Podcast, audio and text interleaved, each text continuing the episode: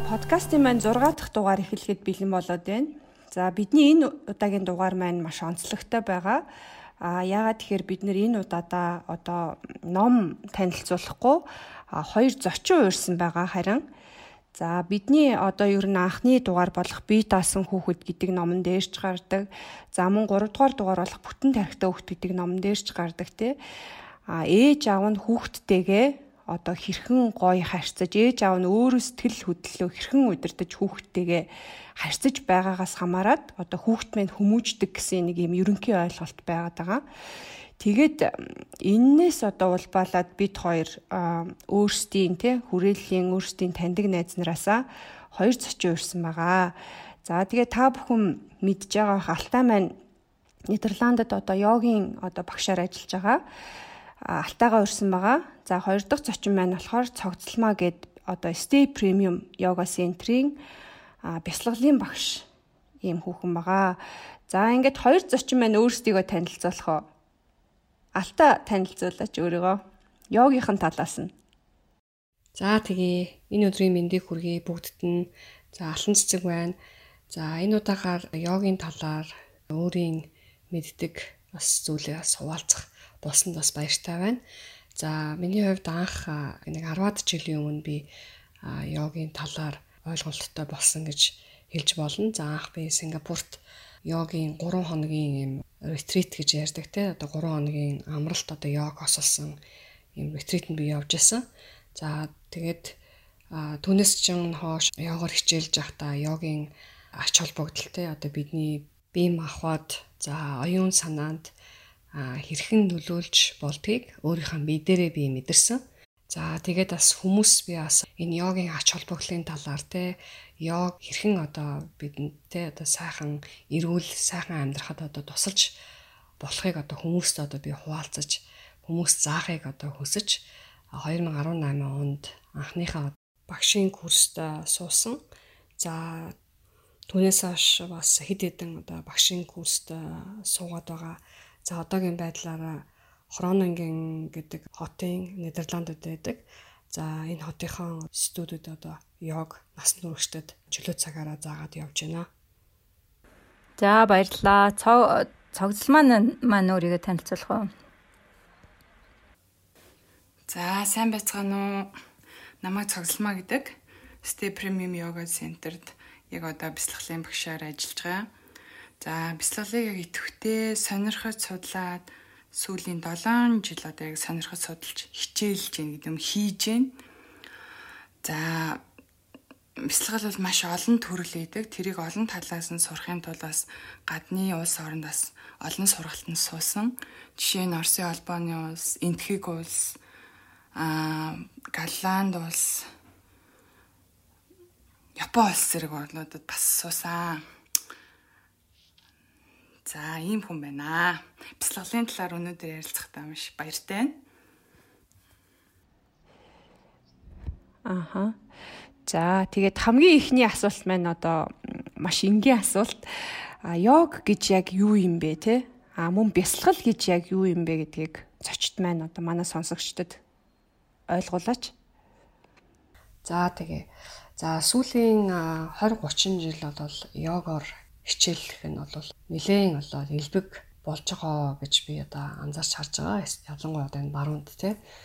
Яг хаа өнөөдөр хүмүүс одоо йогыг харж байгаа өнцг нь ерөнхийдөө энэ йогийн дасгалуудаар жоохон хязгаарлагдаад байна уу гэж би хардаг. Тэгэхээр йог гэдэг бол ерөөсөө ийм цогц ухаан байгаа. А өөрийгөө танин мэдэх, өөрийгөө ойлгох ийм одоо үйл явц.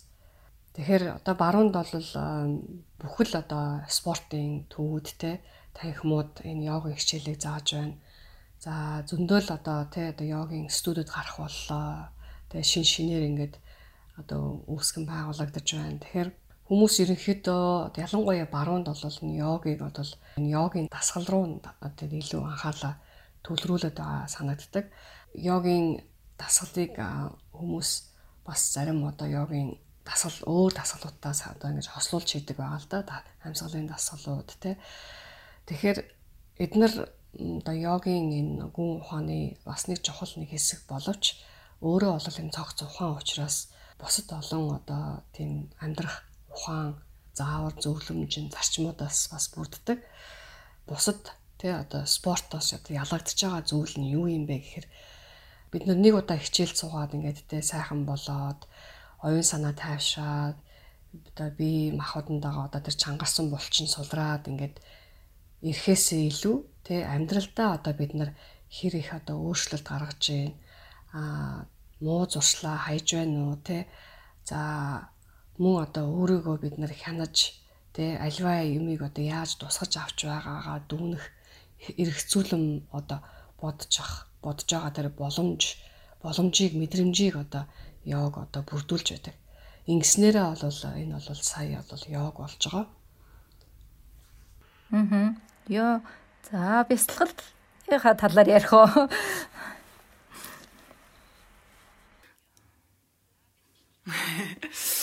За тий. За бясалгал бас их сонирхолтой. Хүн бясалгал гэж сонсонгууд тийм айгу хэтийн ч юм шиг их боддог л. Жишээ нь би бол өмнө бясалгал гэж сонсохоор надаас холтой нэг ламнаар хийдэг ч юм уу эсвэл нэг сэтгэл санааны готролтой хүмүүс хийдэг ч юм уу зүйл гэж боддог байсан. Тэгээд яг бяцлаглалыг судлаа сонирхоод хийсэн чинь энэ бол зүгээр л амьдралын хэм маяг тэг хүн өөрийгөө оюун ухаанаа амраах дасгал техник тэг өдөр тутамд хүнд хэрэгтэй тийм түүл гэж ярих юм уу тийм хэрэгсэл юм байна гэдгийг маш их ойлгосон. Бяцлаглалыг ер нь их олон талаас нь тайлбарлаж болдог. Гэхдээ яг одоо бол оюун ухааны оюун ухаантайгаа ажиллах те оюун ухаанаа танин мэдэх яг саяын бас хэлдгээр өөрөө өөрийгөө танин мэдэх гэдэг чинь бас хамт орж байгаа юм. Тийм хэрэгсэл гэж бас хэлж болно. Аа. Тэгэхээр надад ийм асуулт э, төрж ийн л да. Энэ бясалгал йога хоёр хоёулаа заавал хамт байх ёстой юм юм уу? Аль эсвэл одоо ямар учиртай юм бэ? За би энд хариулъя. За бясалгал нь болохоор йогийн гүн ухааны тий одоо хамгийн оргил дээд одоо оюун ухааны дасгал. За Батанжали гэх одоо лам анх одоо йогийн судрыг одоо эмэгтгэж бичсэн байдаг. За тэр сударт йогийн одоо гүн ухаан, йогийн онол за амьдралд хэрэгжүүлж болох одоо дасгалуудыг тэнд оруулж бичсэн байдаг. За мөн одоо энэ сударт 8 одоо зөв амьдрах замналыг үе шаттайгаар нь одоо бичиж оруулсан байдаг. За йогийн дасгал болон одоо асана гэж үд хэлдэг одоо санскритээр. Тэр нь болохоор одоо энэ займан замнал лин одоо нэг нь болоод явж байдаг. За мөн болохоор бясалгал бас одоо үүний нэг нь байдаг. Тэгэхээр бясалгал нь болохоор йогийн сас шүү одоо нэг хэсэг юмаа гэж ойлгож болно. Аа за тэгвэл ингэж ойлгож болох уу? Йога гэдэг нь одоо ийм ерөнхий том юм те. Тэгэнгүүтээ энэ дотроо аа за нөгөө нэг дасгал гэдэг байгаа одоо стретч ч юм уу те. Тэр нь нэг хэсэг, а бясалгал нь нэг хэсэг гэхээрээ йог нь том одоо ерөнхий уу? А бясалгал нь тэрний нэг хэсэг гэж ойлгож ойлгож болно. Тий. Аха. Мм. Цогцлмаа ямар бодолтой байдаг вэ? Яг уу тэгж бас болно. Ер нь аа яг жишээлбэл яг орчин үед болохоор йог маань нөгөө жоохон тасгал талаасаа хүний бие организм руу илүү хандаад байгаа тий. А тэгсэн мөртлөө йог бол яалчгүй бяцлаглалын одоо хэсэг байдаг. А йог хийсэн хүн, йог хийгээгүй хүн хоёр одоо чи бяцлал хийхэд бол айгүй ялгаатай. Бяцлал Тэг бясалгал гэдэг маань өөрөө нөгөө нэг оюун ухаантайгаа илүү харьцаж, оюун ухаанаа танин мэдэх. Оюун ухаан гэхээр одоо энэ толгой хэсэг маань гэдэг юм уу те. Тэг оюун ухаан тарих мэдрэлээ системээ ойлгох тийм үйл явц болчиход байгаа байхгүй. Аа тэгэхээр энэ маань бүгдээр хүний биетэй шууд холбоотой байдаг. Тэгэхээр миний ажигласнаар бол йог бол маш гоё одоо орчин үедээ одоо орчин үед хөгжиж байгаа байдал нь бол маш гоё гэдэг юм уу? Айгу боломжтой энгийн хаашаач ороод ингээд одоо манай Монгол жишээл йогийн төвд маш ихээр нээгдэж байна. Ингээ гоё бие сайхан бэлдээд йогийн угаасаа сүүлийн хэсэгт дандаа бяцлагалтай юм төс бяцлаглалын одоо юунууд явагддаг те? Алтаа гүш минь нэж яах нэг амраадаг. Тэр бол ер нь бас бяцлаглалын нэг хэсэг нь.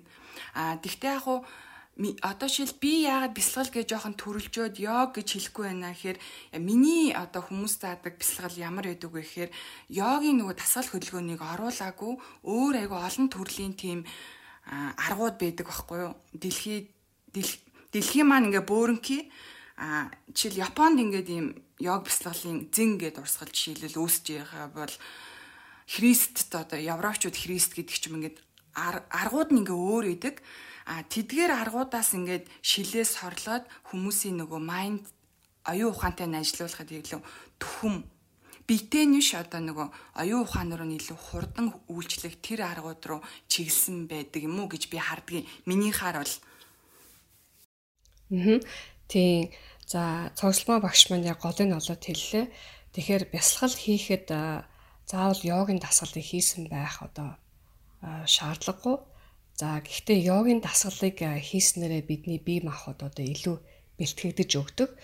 За тэгээд йогийн дасгал хийгээд бясгал хийгээд суухад бидний бие маань арай илүү хөнгөн тийм ээ. Тэгэхээр биеэ хөдөлгөөд биеэ биеэ одоо хөдөлгөөнтэй байх нь бол бидний бие махбодод бол бие махбодын эрүүл мэндэд их чухал байдаг. Аа бид нэр өдөрт те одоо ингээд компьютерийнхаа ууц суугаад офисын ажил хийгээд ингээд сууж явахдаа удаан хугацаагаар суухад бидний бие махбод одоо чилж те одоо өвдөлт өгдөг тийм зүйлүүд их ажиглагддаг. За тэр шиг адилхан бясалгал хийгээд удаан хугацаагаар нэг байдалдаа нэг байршилтаа ингээд суугаад тэгээ нуруугаа хэцлээд ингээд суухад бас одоо бидний бие махбодод бас сөргөөр нөлөөлдөг. За яг энэ хэрэгцээгээр одоо хэрэгцээнээс болж одоо анх йогийн хөдөлгөөнүүд бас одоо бий болсон байдаг. Эртний ламнар удаан хугацаагаар сууж одоо бясалгал хийхдээ хийхт нь бол биеинд нь бол их муугар нөлөөлсөн учраас одоо йогийн дасгалуудыг анх бий болгосон гэж үздэг байгаа. Аа зөв зөв. Аа ойлголоо. Тэгвэл ер нь йогагаа эхэлж хийгээд дараа нь бясалгалаа игэл илүү үр дүнтэй нь тий. Үгүй бас яг халина би болохоор ингэж бодож байна. Одоо ингээ орчин үед юм гой нээлттэй байгаа юм чинь бүгдийн зэрэг хийх ил одоо тий айгу олон талын ашигтай одоо супер хүн төрлөختөн чинь айгу супер болоод байгаа шүү тий. Йог йога сайхан хийгээд би билдер тий биеийн хөшин гүш гоё эрүүл сайхан. Яг бол хүний биеийг эрүүл байхад бол бүр хүчтэй тусалдаг. Аа тэгээд дээрэс нь бясалгал хийгээ сэтгэл санаагаа саруул те оюун ухаанаа саруул ухаалаг байна гэдэг чинь бол өөрөө одоо тэр аа бие махбодын баланс барьж эхэлж байгаа байхгүй. Тим хүн л одоо хамгийн ухаалаг шийдвэрийг гаргана, ухаалаг амьдралаар амьдран тий. Тэгэхээр би бол аль нэгийг заавал төрүүлж хийчээд нөгөө рүү орно гэдэг шат дараагаас эхлэхгүйгээр боломж ивэл хоёулангийн л гой үзээд ингээд явж явах хэрэгтэй. Харьцангуй бясалгал маань йогиг одвол хаач их боломжтой маш олон бясалгалууд идэг л да. Йогд бол яг өөрийн гэсэн орон зай маш их хэрэг болдог тий. Ингээд тасгал хөдөлгөөн хийхэд бол а бясалгалыг хаач ингээд одоо онгоцон дотор авч онгоцон дотор явж байхдаа ч юм уу эсвэл нийтийн тээврийн хэрэгслэр явж байхдаа тэр хийх боломжтой бясалгалууд маш их байдаг юм хүлээж явахдаа тэг тэгэхээр ингээд хүн бол аль болох гой хослуулах юм бол бүр гоё гэж хэлээ. Одоо юу гэдэг бүр үр дүнтэй ч юм уу те би л тэгж миний бодол гэдэг юм миний туршлага бол тийм байна. Ааха. Йог дээр чи нөгөө нэг 45 минут йог хийлгэж байгаа. Сүүлийн 5 минутанд нэг гоё унтуулдаг штэ те. Нөгөө амар гэл. Гэтэ алта. Тийм. Тэгээд би яг зүгээр тэрийг бясалгалын нэг хэлбэр мөн үү гэж асуух гээд. Тийм. Тэр бол яг орчин үед йога хичээлийн төгсгөлд одоо хүмүүсийг амраадаг заншил гэх юм аян зогтчод байна л да. Тэгэхээр тэрийг бол бид нар шавасана гэж нэрлэдэг байгаа. За үнэндээ бол тэр бол яг шавасана биш. За шавасана гэдэг бол ерөөсөө ямар ч хөдөлгөөнгүүр те оюун санаа сэргэг за оюун ухаанаа одоо байдал төвлөрүүлэх те тэгээд хэвтэй байдалтай за би бах мах бодондоо одоо анхаарлаа төвлөрүүлж ингэж хэвтэх юм дасгал байгаа. За энэ бол хамгийн бол тийм хэцүү дасгалуудад нэгд ордог.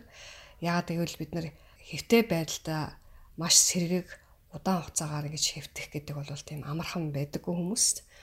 Тэгэхээр бол яг одоо одоогийн үед бол хүмүүс яг уу шавасана гэж нэрлэдэг байгаа боловч яг бол тэр өөрөө бол шавасана биш. Цогцлмоо чи юу гэж бодож байна энэ тал дээр? Тий Алта би ч гэсэн йог йог хийх амар дуртай хгүй. Сүүлд одоо бүр дуртай болоод байгаа. Йог ер нь хийдэг. Гэтэ өдөр алгамж 7 ногтой 2-оос 3 удаа нөгөө нуруу нуруутай холбоотой нас явж вэ. Нас нурууны доотлын үеин дээр суулт өгөө суугаа ажил маш их хийсэн гэд. Тэгээд йог ингээд тасгалыг хийгээд яг сүүлийн минутанд заримдаа бол би ингээд тухайн өдрийн ачаалаас амар унтчихдаг. А заримдаа яг ингээ гүнзгий ингээд бясалгалын төлөв рүү орчдөг. А тэгэхээр бясалгал хийж хийдэг хүн тэр шавасанаг хийхэд илүү тэр гүн гүнзгий утгыг мэдэрдэг юм шиг санагцаа. Харьцангуй нөгөө би бүр бясалгал хийхээс өмнө йог хийж яхад бол дандаа л унтчихдаг гэсэн угаас амар ядардаг болохоор. Тэгэхээр яг мөн. Тий. Одоо яг бясалгал тэр яг алтайгийн үний бясалгал гэхэд тэр тухайн хүнээс хамаарат эхэлж байгаа. Тэр хүн maybe магадгүй тэр бясалгал хийж иж болно харахад а эсвэл унтчихэж болно. Тэр хүнээс хамаарах юм уу? Аа би болохоор унтчихдаг байхгүй яг 2 минут. Нэ сая бясалгын бясалгалын төлөв гэхээр өө би бясалгал хийцэн байж гэж бодсон. Тэгвэл биш юм байна те. бясалгал гэж хэлэхгүй. За бясалгал гэдэг маань өөрөө болохоор тий удаан хугацаагаар одоо оюун санаагаа өөрийнхөө дотоод ертөнцийн төвлөрүүлээд ихц тий нуруугаа ихцлээд ингээд суухыг хэлж байгаа. Тэгэхээр хамгийн сүүл бидний одоо йога хийгээд хөвтөөд ингээд одоо биеэ амрааж байгаа тэр байдал бол одоо бясалгал биш. За хичнээн одоо яг шаваасана маягаар те одоо бүх оюун ухаанаа төвлөрүүлээд оюун ухаанаа сэргийг байлгаад хэвтэй байдалд байсан ч гэсэн тэр маань одоо яг уу бид нарыг бясалгал хийхэд бэлдэж байгаа одоо тэр зам гэж ойлгож болно. А түүнээс бол тэр өөрөө бол одоо бясалгал биш гэж хэлж болно. Аа, ер нь бол би одоо биеийн ядар биеийн амралт юм байна шүү дээ, тэ оюун санааны биш биеийн амралт юм байна те. Тэгж унтах нь. Яг оюун санаагаа бас тодорхой хэмжээгээр тий тодорхой э, хэмжээгээр бол амарчлаагаа л да яхаар би амарч байвал бас оюун санаа чинь бас жоохон өөр ихэхгүй ингээд амраад эхэлдэг. Ягаад тэгэхээр бидний оюун санаа бидний бие махбод энэ амьсгал гурав чинь ингээд ерөнхийдөө бие биендээ нөлөөлж яадаг аахгүй юу? Аа за. Тэгвэл цогцлбаа одоо яг бясалгал хийж байгаа гэдгээ хүн яг яаж мэдрэх хэвтэй. Одоо ингээд би одоо жишээ нь ингээд нэг жоохон хийж эхэлж байна л да одоо Тэгээд яг хийснийхаа дараа би одоо бясалгач юу үгүй юу гэдгийг мэдэхгүй байгаа байхгүй юу. Тэгэхээр тэр талаар тайлбарлаач. Аа. За тэрийг хамгийн гоё одоо тестүүд бол байна. Тэр ерөөсөө л ердийн өдөр тутмын амьдрал. Бясалгал чи хийгээгүй хийгээгүй зүгээр энгийн үедээ ямар байна гэдгээс чинь чиний бясалгал хийж чадж гин үү, хийхгүй байх үү гэдэг чи харагддаг. Чи нөгөө л хിവэрэ байвал те за жоохон хийгээгүй юм байна да гэж ойлгож байна. А гэтэл чиний нэг амьдралын чанарт айгүй өөрчлөлт орж ирээд нэг л өөр болдог л доо яг ингээд бясалгалд орцсон, бясалгал хийсэн хүмүүс. Гэтэ тэр нь ингээд заримдаа өөрт нь үгүй заримдаа нөгөө эргэн тойрны хүмүүст нь бүр илт мэдрэгддэг. А хамгийн ихэнд ихэнд мэдрэх хүн бол өөрөө байдаг.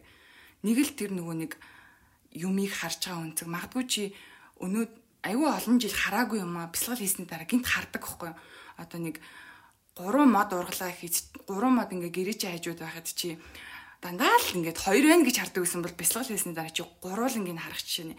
Ийм мэд ингээд жижиг сажиг өөрчлөлтөд энэ бясалгалын бусад үе чи ямар байгаагаас л тест явагддаг гэж би бол өөрийгөө хардаг. Мэдээж танхимд хийгээд яг багшийн удирдлагт хийх бол өөр хэрэг.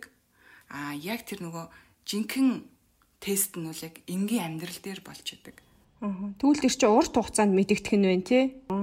Хэдэн сар хийжээж мэдэгдэх үү?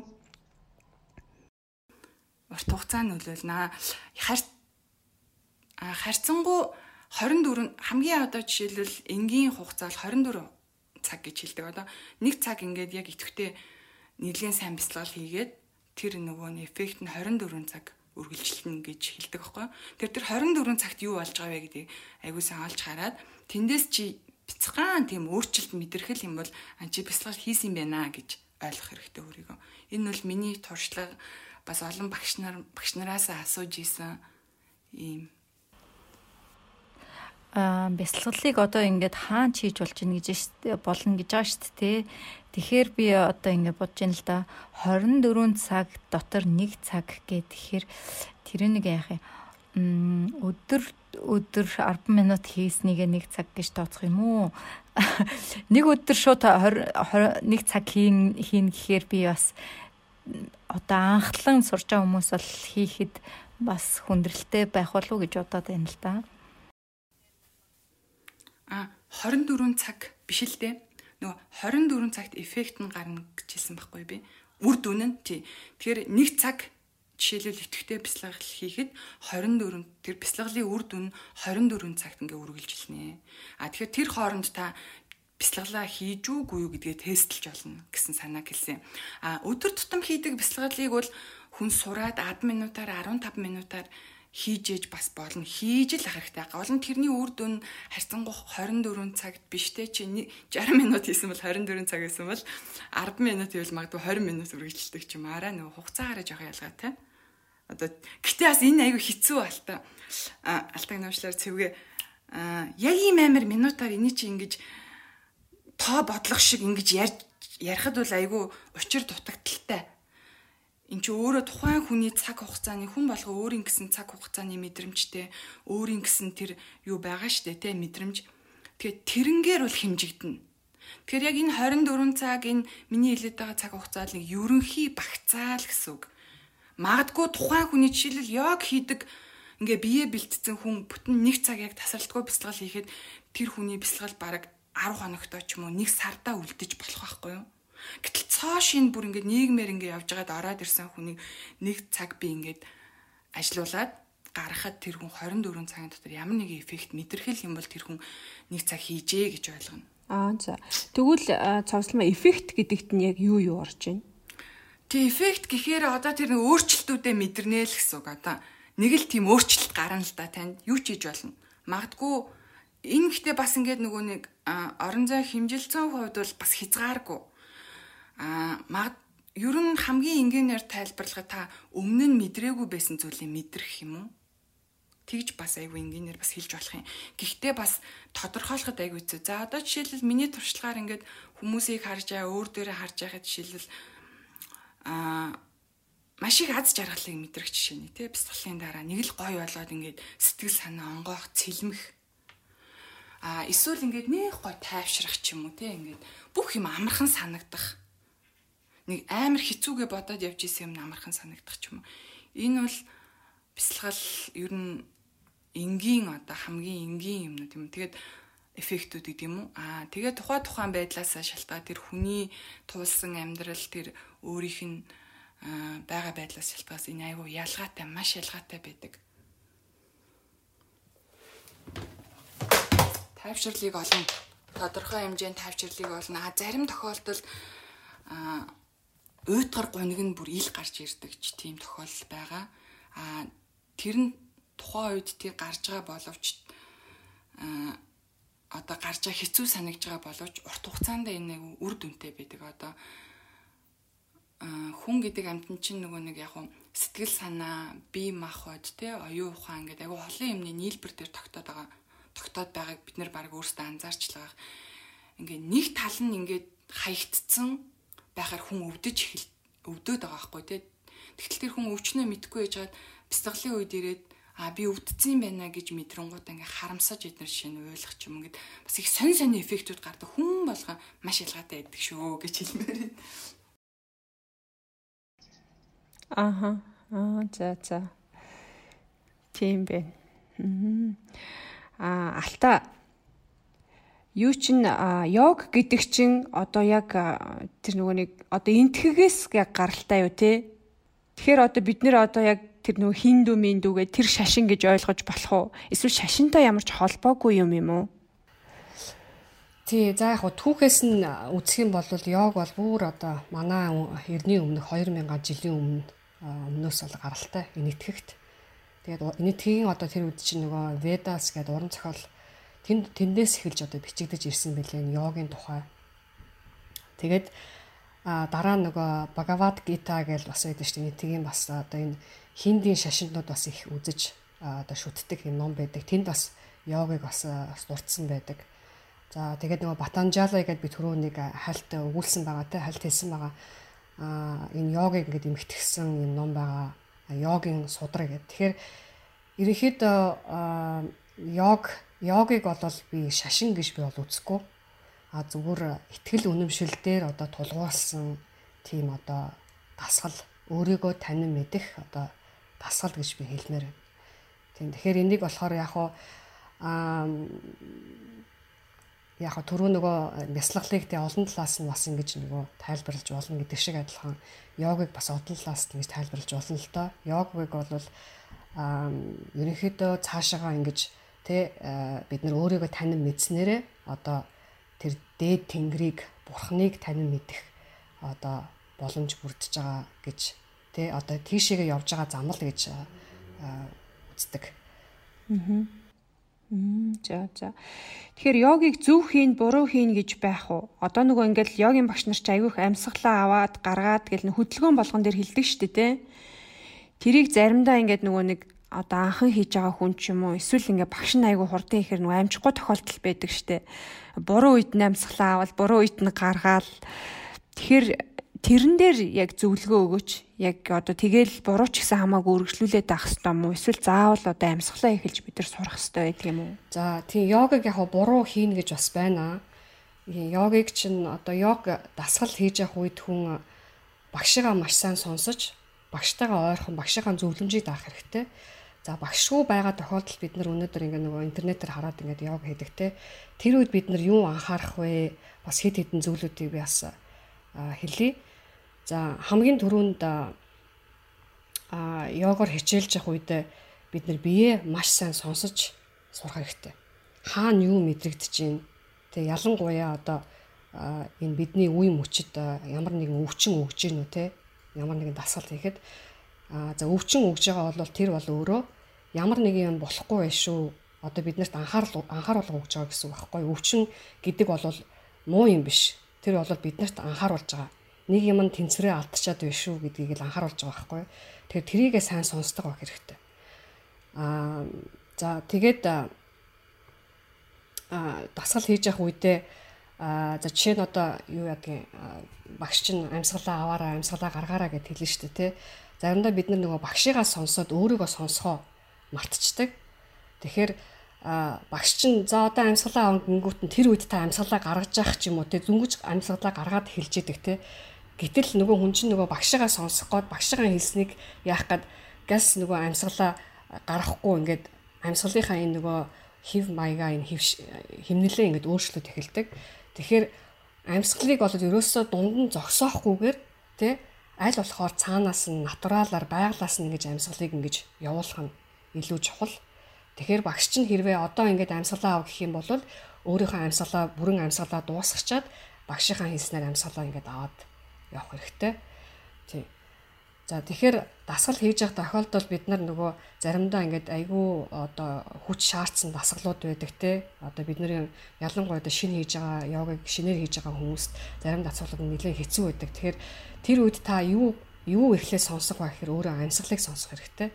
Амьсгал чинь хэрвээ ингээд давчтаад айгүй түргэн түргэн болоод ирэх юм бол тэр бас юу хэлж байна вэ гэхээр энэ танд одоо та бол хэтрүүлээд байна гэсэн бас тийм тохиог өгж байгаа гэсэн үг. Тийм тэгэхээр тэрийгээ сонсоод амьсгалаа сонсоод амьсгал чинь айл болохоор гүн амьсгал чинь айл болохоор тайван байвал энэ дасгал чинь болж байна тий өвчин өгөхгүй бол энэ дасгал чинь болж байна гэж одоо ойлгож бас болно.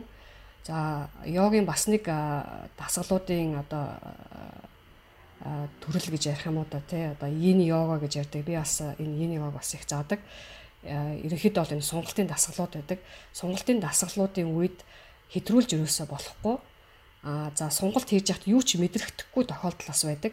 Тэгэхээр тэр бас юу хэлж байна гэхээр аа дасгал маань өөрс бидний одоо бид ямар нэгэн тийм бас тийм үр дүнтэй нөлөө үзүүлэхгүй байна гэсэн үг. Тэгэхээр яг тэр одоо алтан дунджийг нь олж хийх тий хит хэтрүүлэхгүй хит одоо ингээ бүр ингээд бид нар чи ингээ за энэ багш хурдан одоо зогс гэж хэлээсэ гэл бид нар чи ингээ боддог Тэгээ заримдаа ингээд айгүй тийм а хүчтэй дасгалуудын үед тэгэхээр тихгүүгээр аль болохоор а тэг яг алтан тэг дундаж яг аль болохоор одоо юу гэдэг 2 3 минут тэнд 2 3 минутын хугацаанд тэр байршилдаа ингээд тайван байж чадхаар тэгж дасгалаа хийх юм бол илүү үр дүнтэй. За. За, цогцлмоос асууя те. Ам ер нь Монголд бясалгал хийж байгаа хүмүүс байгаа юу? Олон байна уу? Ер нь анхан шатны мэдлийг хаанаас олж авбал зүгээр юм болоо? Бяцлаглалын талаар тий. Монгол зөндөө байгаа. Аа. Манай Монголд ч За маш би ерөөсөө тийм мэдээлэлгүй хүн байна. манай монголчууд гоё орно штэ нөгөө. Нээлттэй шашин шүтлэг нөгөө бүх хүн үндсэн хуулиараа бүр заагаад өгсөн тий. За тэрнтэй холбоотой ч юм уу манай Монгол бараг бүх урсгал байдсан билий. Үнэхээр бид нэр их эрх чөлөөтэй гоё оронд амьдарч байгаа гэх юм уу. Тэгэл одоо яг хамгийн бидний баг маш олон хүн мэдэндээ ширээ ширээ бяцлал гээл те одоо За өөрч нэр бяцлаглах хүмүүс аягүй сайн мэддэг л аа чинхаа хөшин бяцлал гэж байгаа. Бас нөгөө хин Випасана гэтээ Хатанбаатар багш гэлөө. Ер нь за бяцлал бүр зөндөө байгаа. Аа. Хүснээрээ хийж болно. Монголд бол сайхан орон гэж хэлмээр яг энэ тал дээр бүр ингэ нээлттэй. Тэгээ би бас нөгөө христийн шашны хүмүүсийг бас боддог байхгүй юу? Христийн шашин бол яг бяцлал гэж хэлэхгүй ч гэсэн тийм бяцлаглын маш олон зүйлүүд байдаг. Дуулаалтай амар гой дуулцгаагаал тэгэл залбираалтай энэ бол бас бяцлаглын нэг арга техникийн нэг хэлбэр.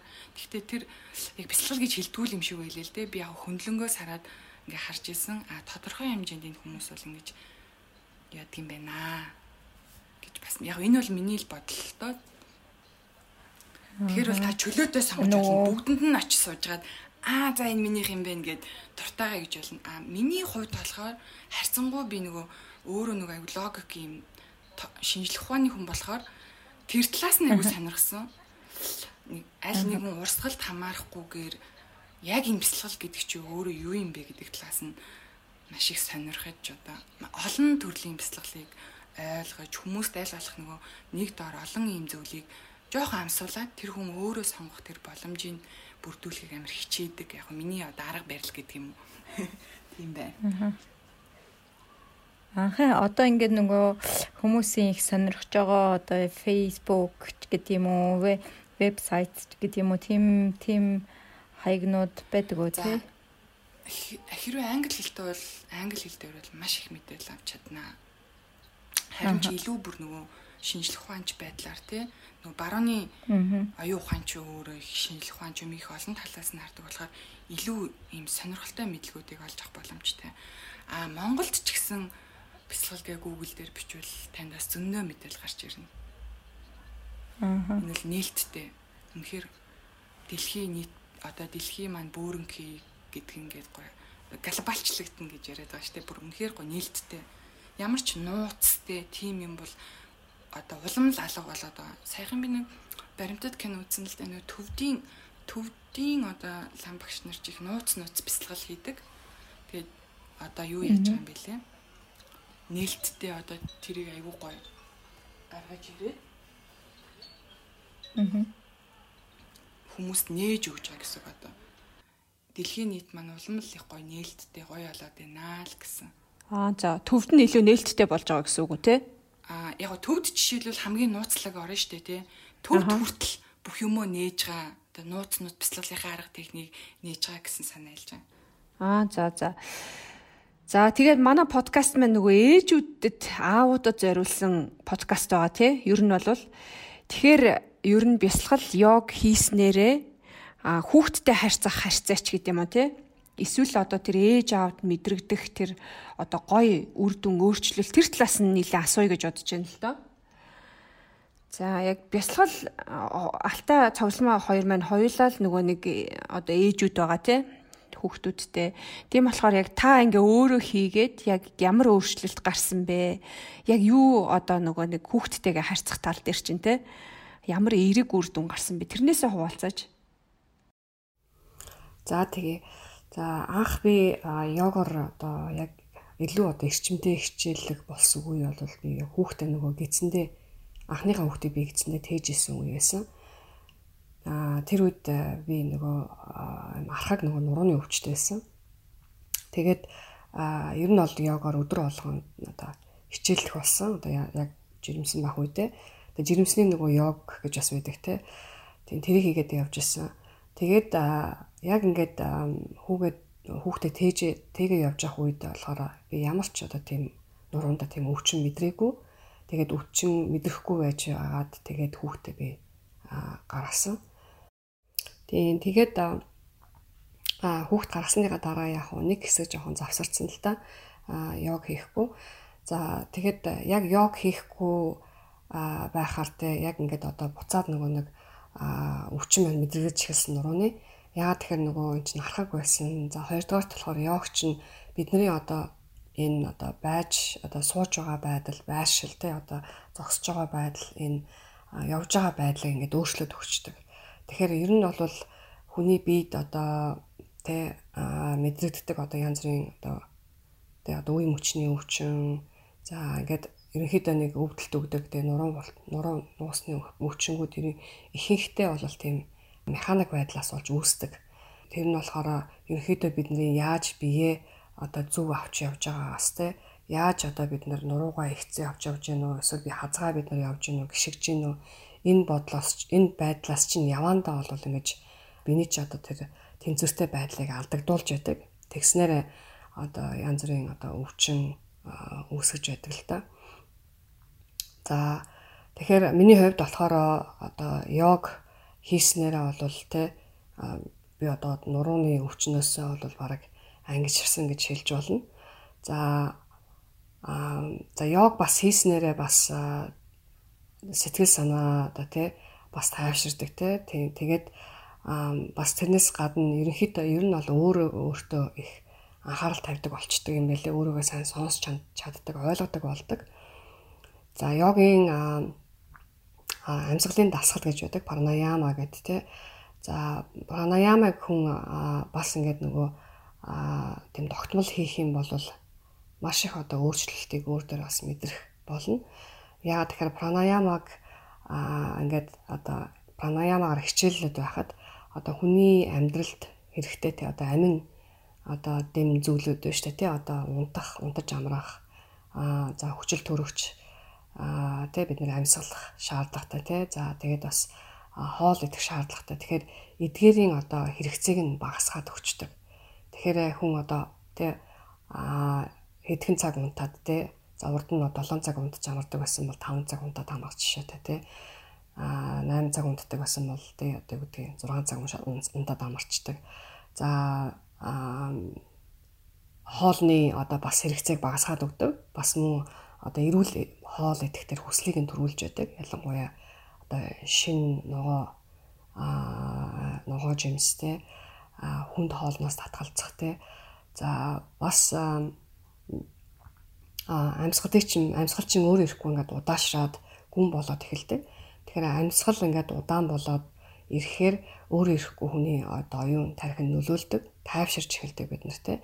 Тэгээд тэр маань эргээд одоо бас ингээд бие махбодтой нөлөөлж идэг. Тэгэхээр бие махбодонд үүссэн одоо олон жилийн туршид одоо ингээд хадгалагдаж байсан одоо тэр тэ чам булчсан чангарсан одоо булчин тэ оо хуийн энэ болгоны чинь ингээд оюун санаа чинь өөр ирэхгүй тайван байхад одоо би би чинь бас ингээд сайхан сулраад ингээд тайвшаад бас биеийн нөлөөлөд эхэлдэг. Тийм. Тэгэхээр йог бол одоо цогц ухаан тий. За хүний одоо эрүүл явах одоо үнэхээр тэр одоо боломжийг бүх боломжийг бүх талаас нь бүрдүүлж яадаг а одоо бие махбод тий за мөн одоо сэтгэл санаа сэтгэл зүгээр одоо эрүүл байх энэ болгоныг одоо йогийн дасгалууд маань одоо хангаж өгч байдаг л да. Тэгэхээр түрүүн би ярьсан тийм ээ хүн өөрийгөө ойлгоод өөрийгөө хайрлаад ирэхээр те өөр ирэхгүй одоо иргэн тойронд байдаг хүмүүсээ одоо ойлгож бас хайрлж эхэлдэг, хайраа үзүүлж эхэлдэг юм юм байна. За миний хувьд бол энэ бол яг одоо мэдрэгдсэн. Аа тэгэхээр аа энэ дотор ч бас олон хүүхдүүд бас явж байгаа тийм ээ. Тэгэхээр одоо ер нь бол бид нэр хүн эхлээд бас өөрөө өөрсдөө өөр дөрөө бас ажиллах хэрэгтэй юм байна тийм ээ. За тэгжиж бас одоо бас эргэн тойронд байгаа одоо нийгэмтэйгээ харьцахдаа бас зөв харьцах тийм хандлага гарч ирдэг юм байна гэж хэлгэсэн. Оо ямар гоё юм. Баг гэгэрсэн биз дээ манай алтаа чи. Вау. 6 цаг унтдаг гэж штэ. Хоол хоол иддэг үү гэхээр чи. Юу гэнэ? 6 цаг унтдаг хоол иддэг үү гэхээр чинь тэгэж хоол идэлгүй яг хөө тэгтээ хоолны хэрэгцээ багассан гэсэн байхгүй юу? Аа зөв зөв. Ер нь бол яг үнэхээр йогогоо хийгээд бясалгал хийгээд явхаар үнэхээр хүний биеинд ийм мэдрэмжүүд бол төрдөг. Цогцломоо бас энэ дээр бас хилээд явах бах тий. Алтаа бясалгал хийдэг? Бясалгал би хийдэг. Тийм аль болохоор одоо тэг боломжтой болдол одоо бясалгалт би хийгээд суух дуртай. Ерхэд өдөрт бол нэг 30 минут хавцаа хийдэг л дээ. Яг өдөр өдрөөсөө шалтгаалаад надад тохирсон одоо бясалгалын одоо өөрийнхөө аргыг би олсон. Ерөнхийдөө бол би ерөөсөө бодлоо хянаад одоо байдалд анхаарлаа төвлөрүүлээ л дээ. Тийм амьсгалдаа анхаарлаа төвлөрүүлээд биеийнхээ сууж байгаа байдалд анхаарлаа төвлөрүүлэх маягаар одоо бясалгалын дасгалыг хийдэг. Ааха. Аа за яаж бясалгал хийдэг вэ? Тэр аргаасаа бас биднэрт хэлж өгөөч. Тийм ерөөсөө л одоо биеийнхээ одоо мэдрэхүйнийхээ одоо тэр нөлөөнд автахаа болоод те дотоод ертөнц рүүгээ орж байгаа. Тийм тэгээд хүн болгоны одоо аа туршлага бас өөр байдаг. Тийм тэгээ миний хувьд болохоор би айгүй тийм аа гүн тайвширлыг би мэдэрдэг. Бас тэгээд одоо толгой дотор айгүй олон юм бодол ороод тэгээ ерөнхийдөө заримдаа нэг жоохон нэг тийм яг юм төвлөрч өгч чадахгүй яг тэр үед болохоор ингээд надад орон зай өгөөд аа яг юмыг одоо ингээд тод тодорхой харахад тусалдаг. Аа за хэдэн минут хийх вэ? янз бүр 10 минут 20 минут багш багшаасаа шалтгаална. Миний хувьд бол би нэг 10 минут хийдэг тий. Өөрөө гэртээ бол би хийж явахдаа өөрийнхөө одоо хичээлэлтэй бол би 30 минут хийдэг. Тэгтээ бясалгалыг чинь бас өөрийн бас чанар гэж бас байна тий. Хүн тэгээд бясалгалаар би бясалгалаа гэж суучаад 30 минут ингэж сайхан суучаад 30 минут минут чангаан хүн юм бодчихдаг тийм үе бас байдаг. Надад ч гэсэн байдаг ингээд толгой оюун санаа ингэж бас тайвширч өгөхгүй те. Тэгээ тэрийг бол би бас бясалгал гэж хэлэхгүй.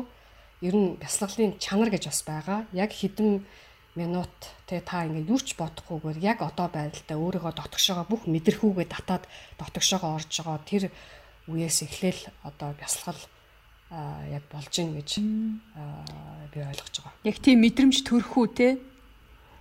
Тий, ерөөсөө л дотгошоогоо орцсон ямар ч одоо мэдрэмж эргэн тойронд болж байгаа юу ч одоо тий мэдэх одоо мэдрэгдэхгүй гэх юм уу да. Тийм тэгээд л гүн үед нь ороод мэдрэгдэнэ. Йоо ямар гоё юм бэ. Тэгэж мэдэрч үзэх юмсан. Аа. За, цогцоогоос асууя те. Цогцоо маань бясалгалаар хичээлж эхлээ, түүхтүүдтэйгээ харилцах харилцаанд тань өөрчлөлт орсон болов уу? Аа, миний бас нэг сонирхож байгаа зүйл болохоор хүүхдүүдтэйгээ бясалгал хийж үзсэн үү? Хүүхдүүдэд ямар нэгэн өөрчлөлт гарч ийн үү те? За, бясалгал йог За йогч бай, бясалгалч бай. Йог бясалгал бол хүнийг аа үнэхээр юм тайван, амгалан за хамгийн гол юм бол хүлийн зөвшөөрөх гэдэг зүйл өөрөө ирэхгүй сурахчдаг. А жишээл миний хувьд бол тэ миний туршлагаар бол бясалгал хийгээд өөрөө өөрийгөө хүлийн зөвшөөрөх, бусдыг хүлийн зөвшөөрөх гэдэг зүйл цаанаасаа урган гарч ирж байгаа юм л да. Тэгэхээр нэг хүүхдтэй харьцах харилцаа харилцаанд одоо энэ бол одоо их чухал ах гэж би өөрөө харсан. Миний хүүхэд бол ерөнхийдөө цорын ганц хүүхэд байгаа байхгүй юу? а нэгдүгээр би өөрөө нэг хүүхэдтэй. А хоёрдугаарт өөрөө тэр хүүхэд маань хүүхэд хүүхдийн дотоос энэ дэлхий дээр цорын ганц те. Тэгэхээр энэ энэ хүүхэд маань өөрөө яг ийм өөрийн гэсэн өрөмц шин чанарт те. Надаас шал өөр, ааваас шал өөр, эмээгээс шал өөр, ээж одоо манай ээжээс шал өөр хүн байгаа байхгүй. Тэгэхээр энэ хүүхдийн онцлогийг ойлгож мэдэх мэдэх бол одоо бяцлаглаараа л олж авдаг зүйл яд юм аа нэг. Ингэснээрээ нөгөө бяцлагал Йог бяцлаглыг ер нь хийснээрээ хүн илүү сарвал ухаантай, илүү ухаалаг юмд яаруу тав твдүү биш те. Одоо амьсгалаагаа гүнзгий авдаг гэж юм манай алтамаа. За энэ бол цаана гүнзгий тайвширлын асуудал явагдаж байгаа хгүй. Тийм байснараа хүн юмыг арай л томоор харж эхэлнэ. Хүүхдээ ч гэсэн илүү томоор харж эхэлнэ. Магадгүй хүүхд чинь өнөөдөр ингээд одоо юу гэдэг нь хэрэг хийчлээ гэж бодъё л та тийм муу авчлаа ч үгүй юм уу Тэгэх юм бол магадгүй бясалгал хийдгүү, йог хийдгүү ээж чи яагаад муу авч үгээ хүүхдэд загинж магадгүй. Одоо зоддогч за зодхоо билээ загинж магаддаг штэ чи өстө муу авч болохгүй. Би одоо ингэж хичээж юм ч гэдэг юм уу те.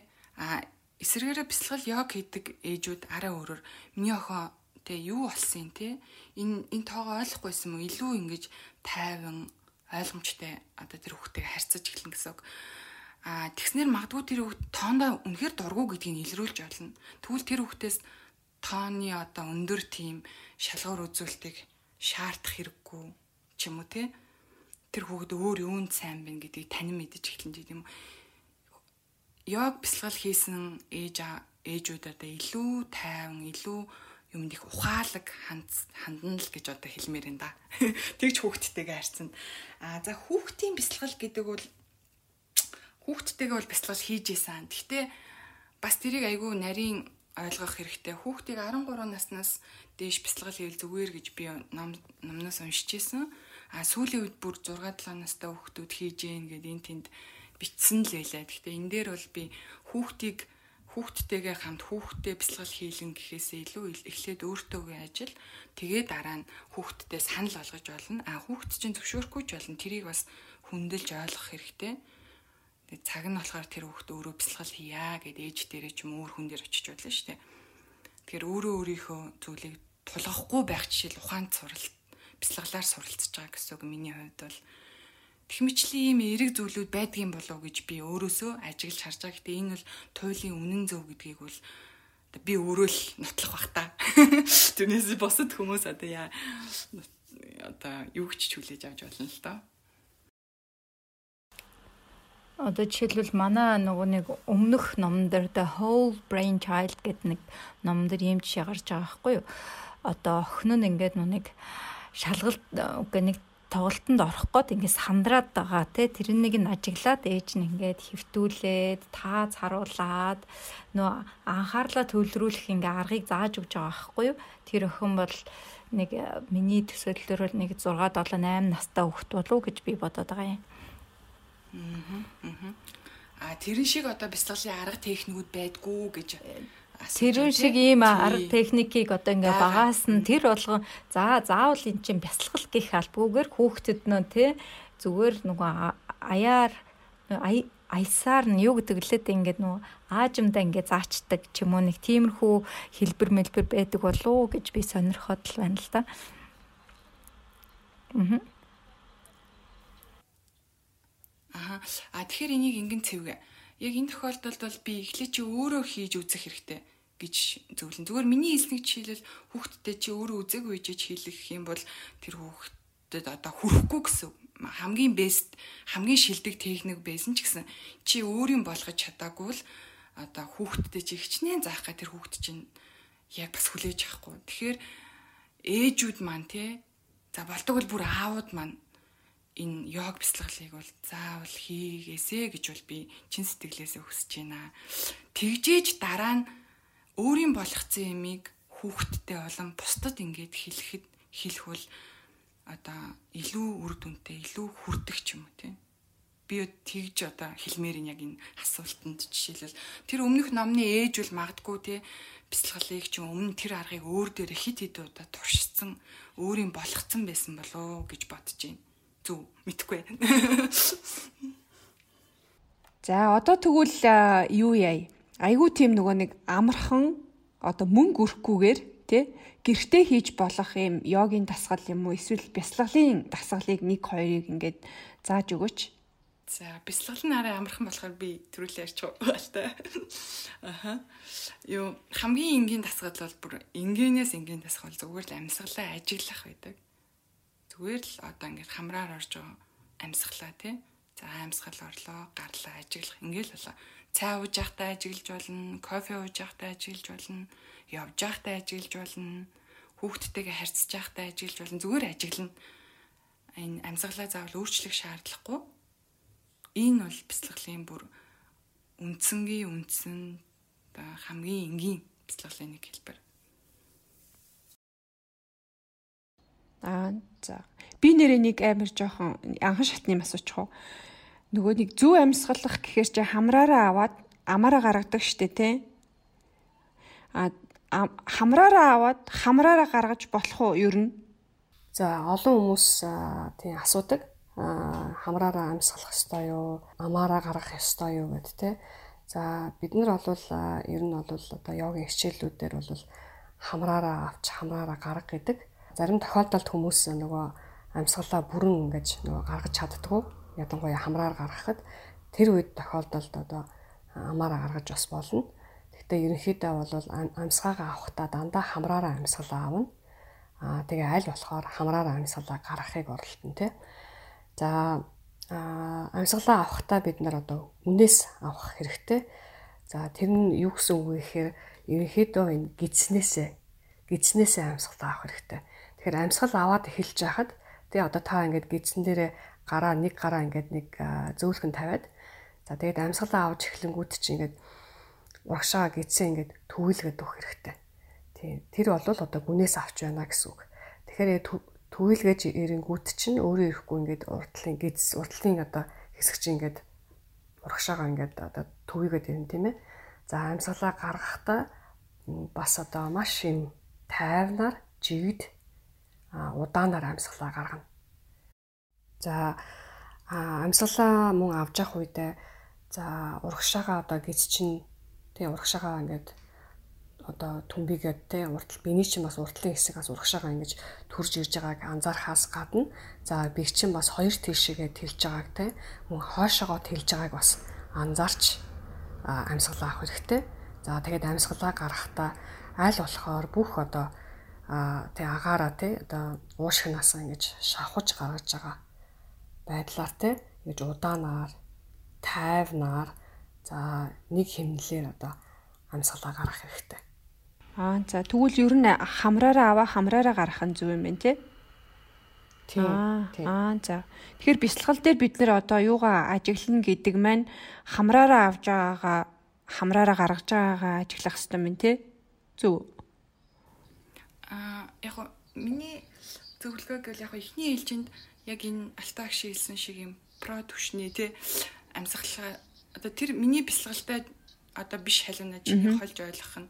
А ер нь эхний ээлжинд зүгээр амьсгалаа ажиглах юм л да. Бүр анхын шатны гэсэн штэ үнгүү юу лээ? Өөрийн чинь санал болгосон өсгсөн арга техник хөссөн арга техник чи.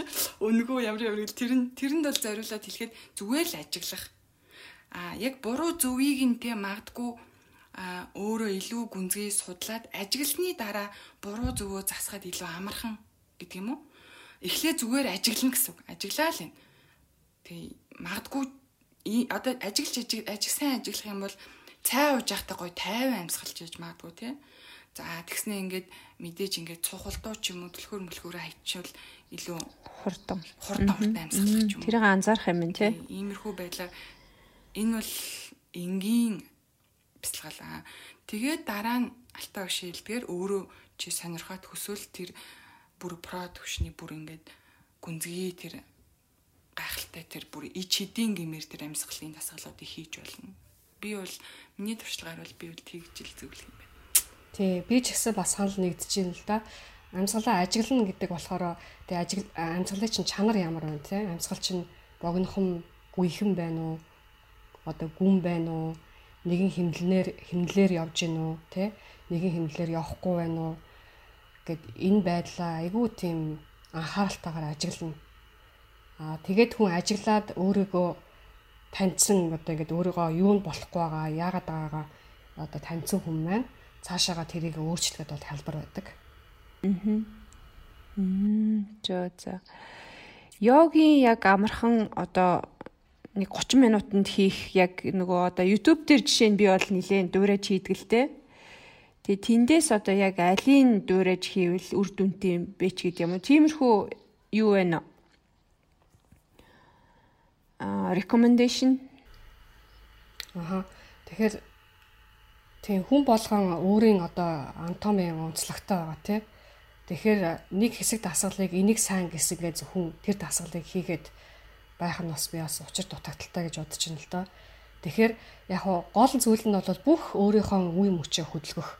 Ямар ч хөдөлгөөн байж болно тойрог маягаар хөдөлгөх те. Одоо жишээ нь нуруу нурууны одоо доод хэсгээр одоо өвчтэй хүмүүс бол аль болохоор нуруугаа аль болохоор тийм хөдөлгөөнтэй байлгаж явах те тойрог маягаар аа за ингээд ширээ байдалд орж агаад аа одоо нуруугаа хотоолгох тий амьсгалаа авахтаа нуруугаа хотоолгох за амьсгалаа гаргахтаа нуруугаа ингээд ингээд сайхан төвөөлгээд өгөх тий тэр бол айгүй сайн дасгал байгаа. За downward dog гэж ярьж байгаа тий доош харсан нохоо гэж одоо хэлэх юм монголоор орчуулах юм уу? Тэр бол маш сайн дасгал. Ер нь йогийн бүх дасгалууд бүгдээрээ сайн үр дүнтэй сайн дасгалууд байгаа. Хамгийн гол нь хэтрүүлэхгүй байх өөрийгөө сайн сонсох тэ өвчин мэдэрч байгаагаа бол дасгалаа өөрчлөх. За одоо заримдаа одоо барууны одоо энэ йогийн зарим студид болохоор яг одоо гарч нь тэнд байх хэвээр хүлч нь яг тэнд байх хэвээр гэж яг одоо энэ alignment гэж ярьдаг л та а тийм нарийн тэрэнд бол автахгүй өөрийгөө мэдрэх тийм би чухал гэж бодож байна. Ерөнхийдөө тийм хийж байгаа юмдаа анхаарлаа төвлөрүүлээд өөрт чинь сайхан мэдрэмж төрж гин үү те. За тэрийгээ сайн сонсох л чухал гэж би бодож байна. За би цогцлмаа асаас багшаас бас яг адилхан халуунагийн асуусан шиг асуулт асуумаар санагдлаа. Энэ нүү YouTube дээр янз бүрийн юм бясалгалын 5 минутын 10 минутын ингээд нөгөө багш нь ингээд хэлээд нэг ай явуулаад ийм бичлэгүүд байгаад идэг штэ тий. Тэр маань ер нь ямар хувэ үр дүнтэй юу? Одоо үр дүнтэй гэх юм уу одоо бид нар анхлан сурж байгаа хүмүүст ойлгомжтой байж чадах болов юу гэж бодож байна та. Аа. Би бол хийгээд оролдоод үзэх хэрэгтэй гэж зөвлөнө. Та өөрөө хийж үзчихсэн үү? Аа, үр дүнтэй тий үгүйг бол ерөнхийдөө өөрөө өөрөө чи мэдрэмж чамд хэлээд өгнө л дөө. Аа, миний хувьд бол яг олон талаас нь судалсан болохоор бүгдийг хийж үзсэн бүх хүний бяцлаглыг ингээд сонсох их дуртай. Тэгээд бүгд өөр өөр ингэсэн одоо үр өгөөж байдаг дандаа. Яг жишээлбэл одоо YouTube-ийн 10 15 минутын бяцлаглыг чи өмнөөсөө тий одоо гой сонсоод хэвтээд ингээ хийхэд маш гой тайвширсан байдаг тухайн үед ч юм уу. Тэгэхээр орол үзгэл хэрэгтэй. Хамгийн чухал зүйл бол хийх гэж хэлнэ бяцлаглыг. Ямар нэгэн байдлаар хийх. Судлах биш те зүгээр хийх, оролдох маш чухал. Аа за цаг маань ерөнхийдөө дуусч байна. Тийм. Тэгэхээр одоо хоёр багшид маань бит хоёрын асуугаагүй ч юм уу те бусдад ингээд хүргэхийг хүссэн тийм зүйл байвал хэлээд тэгээд дуусгая гэж бодож байна. За тэгээ. Яг уу төрөний одоо хүүхдэд ямар ач холбогдолтой байдгийг яваар хичээлүүл те ясгалаар хичээлүүл хүүхдэд ямар одоо хэрэгтэй байдгийг ингээд энэ тал дээр бол маш их бас судалгаа бас явагдаж байгаа. Тэгэхээр йог йогийн энэ судалгаа болохоор ерөөсөө нэг 20 жилийн түүхтэй одоо шинжлэх ухаан тий? Бусад шинжлэх ухааны хажууд бол энэ бол йогийн энэ шинжлэх ухаан судлагдж байгаа энэ бүх зүйлүүд нь айгүй тийм шинхэн одоо хүүхдэрэ байна гэж болно ойлгож болно. А өнөөдрийг гэхэд л одоо гарч ирж байгаа судалгаануудаас үзэх юм бол за йог бол мэдээж бидний одоо бие махбод сэтгэл зүйд сайнаар нөлөөлдөг. Хүүхдүүдийг авч юм бол 6-аас 12 насны хүүхдүүдийг судлаад үзэхэд йогоор хичээллүүлээд ингээд судлаад үзэхэд ерөнхийдөө бол хүүхдүүдийн аа тийм хүүхдүүд аягүй тийм ирч хүчтэй байдаг. Юмд одоо төвчээртэй ханд хандаж сурдаг. Аа за альва зүйлд анхаарлаа сайн төвлөрүүлж чаддаг. Тэ өөртөө ихтэй байдаг. Энэ чанаруудыг бас ингэж йогоор дамжиж бас сурдаг юм байна. гэдгийг бас би бас уншиж бас ойлгож бас авч байна. Би өөрөө йогийн йогыг насан туршид заадаг хүүхдүүдэд заахгүй байгаа. Хүүхдүүдэд йог заах, насан туршидад йог заах хоорондоо бас бас өөр маягаар явагдах ёстой гэж боддог. Яг тэгэхээр хүүхд гэдэг бол өөрөө байглаасаа тийм сониуч, байглаасаа тийм одоо зөвхөн одоо юу болж байгаа гэдэгт хүүхдэд их сонирхолтой байдаг. Түүнээс өмнө нь юу болсон, өчигдөр яасан бilé одоо юмд санаа зовхноос баг байдаг шүү дээ маргааш яах вүлээ те яг тодорхой наснаас дээшлээд ирэхээр хүүхд юм санаа зовж зовдөг болдог стрессдэг болдог л та тэгэхээр яг нас насанд нь тохируулаад хүүхдүүдэд йогийн хичээл заах хэрэгтэй байх гэж бодож байна. Аа яг бага насны хүүхдүүдэд 12-оос доош насны хүүхдүүдэд хичээлийг нь арай жоохон сонирхолтой тий тийм итгэвтэй маягаар тэгж явуулвал сонирхолтой байх. Аа бяцлаглалын хувьд болохоор хүүхдийг аль ч наснаас нь ер нь йогыг бол заах боломжтой гэж бод бишээ. Бяцлаглалыг бол заах одоо боломжтой гэж боддог. Яг ямар аргаар заах тэрг нь бол нарийн одоо тэ одоо заадаг багш нар мэдж байгаа ах гэж бодож байна. А йогыг ерөнхийдөө энэ баруунд одоо Нидерландын жишээ нь одоо эрүүл мэндийн сэтгэл зүйн одоо эрүүл мэндийн протокол болгоод тэ бүр одоо нэг хэсэг болгоод тэгээд одоо эмчнэр сэтгэл зүйч судлаачид одоо ингэж одоо өвчтөндөө ингэж санал болгодог юм аргуудын нэг байгаа. Йог, йог одоо mindfulness гэж ярьдаг те анхаарлаа төвлөрүүлж төрүүл төвлөрүүлэх одоо энэ бясалгал энэ болгон чинь бас нэг одоо бид нарыг эрүүл байх боломжийг бас бүрдүүлж идэг гэж одоо бүр хүлээн зөвшөөрсөн байгаа. А энэ итгэгд бол угаасаа айгу олон жил одоо магадгүй маш олон жил одоо хүүхдийн сургуулийн хөтөлбөрт оруулаад йогийн хичээлийг бол заадаг байгаа. Тэгэхээр йог бол яалтч аргагүй хүүхдэд бол хэрэгтэй. За өнөөдрийн одоо энэ сошиал сошиал медиа тий одоо энэ стресстэй нийгэмд бол ялангуяа йог бясалгал бол би маш их хэрэгтэй гэж бодож байгаа. Хүүхд бол хүүхдэд одоо хичээлүүлээд явах нь хэрвээ та өөрөө боломжгүй өөрөө явах одоо тийм юугүй болвол цогцлогоо шилсэн л дээ яг өөрөө сурах өөрөө мэдэх хэрэгтэй мэдрэх хэрэгтэй өөр төрөө эхлээд тэ туршаад үзэх хэрэгтэй тэ тэгжиж одоо хүүхдүүдтэй бас заах нь илүү одоо үр дүнтэй илүү хүүхдүүдэд ойлгоод сурна тэрийг бол би бол хүлэн одоо тэрнтэй санал нэгдэж байна за бүр болохгүй байлаа гэхэд хүүхдийн одоо хүүхдтэй тэ тусгай одоо йог заадаг хүүхдийн йог заадаг бясалгал заадаг тийм юу төвүүд байх юм бол бас явуулж байвал бас би бас зүгээр баха гэж бас бодож байна. Аха за. За би одоо сүүлийн нэвтрүүлгийн төгсгөлд үгээ хэлье. За ийм үг хэлье гэж бодлоо. За мэдээж ээж нар маань сонсож байгаа. За аав нар маань ч бас сонсож иж магадгүй.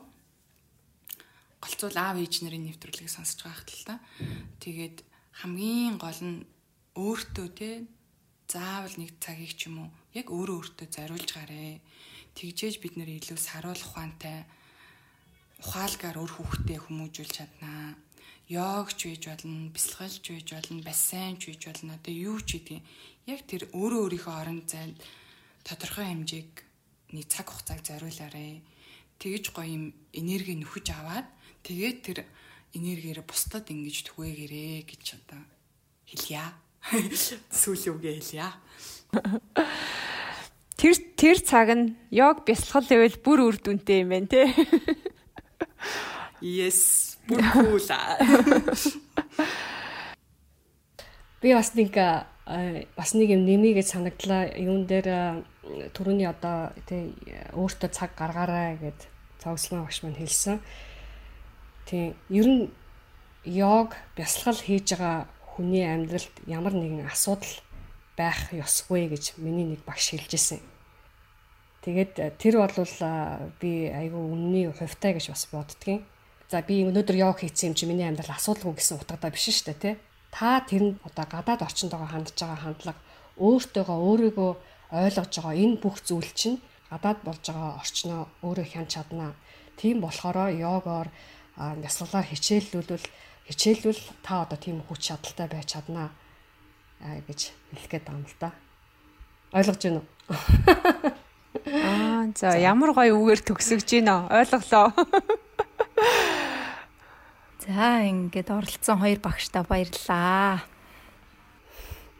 Энэ боломжийг олгож өгсөнд баярлаа. За баярлаа. Урьсанд баярлаа. Үгийн минь сонссонд баярлаа. За ингээ аав ээжүүдэд бясалгал йог хийхийг уриалж гин. За ингээд баяртай 6 дахь дугаар маань өндөрлж байна. За баяртай. За баяртай.